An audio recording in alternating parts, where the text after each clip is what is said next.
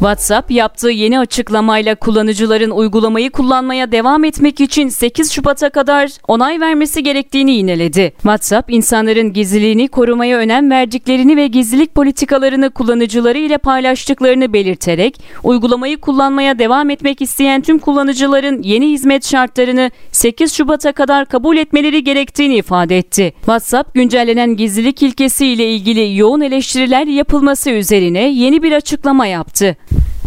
WhatsApp olarak insanların uygulama üzerinden alışveriş yapmalarını ve işletmelerden destek almalarını kolaylaştırmak istediğinin belirtildiği açıklamada şunlar kaydedildi. Şeffaflığı daha da artırmak ve işletmelerin WhatsApp üzerinden müşterileriyle iletişimlerine yardımcı olmak adına gizlilik politikalarımızı güncelliyoruz. Bu sayede işletmeler ana şirketimiz Facebook üzerinden güvenli hosting hizmeti alma seçeneğine sahip olabilecekler. Bu güncelleme WhatsApp'ın Facebook ile veri paylaşımını değiştirmiyor. Dünyanın neresinde olurlarsa olsunlar insanların arkadaşlarıyla veya aileleriyle özel olarak nasıl iletişim kurduğunu etkilemiyor.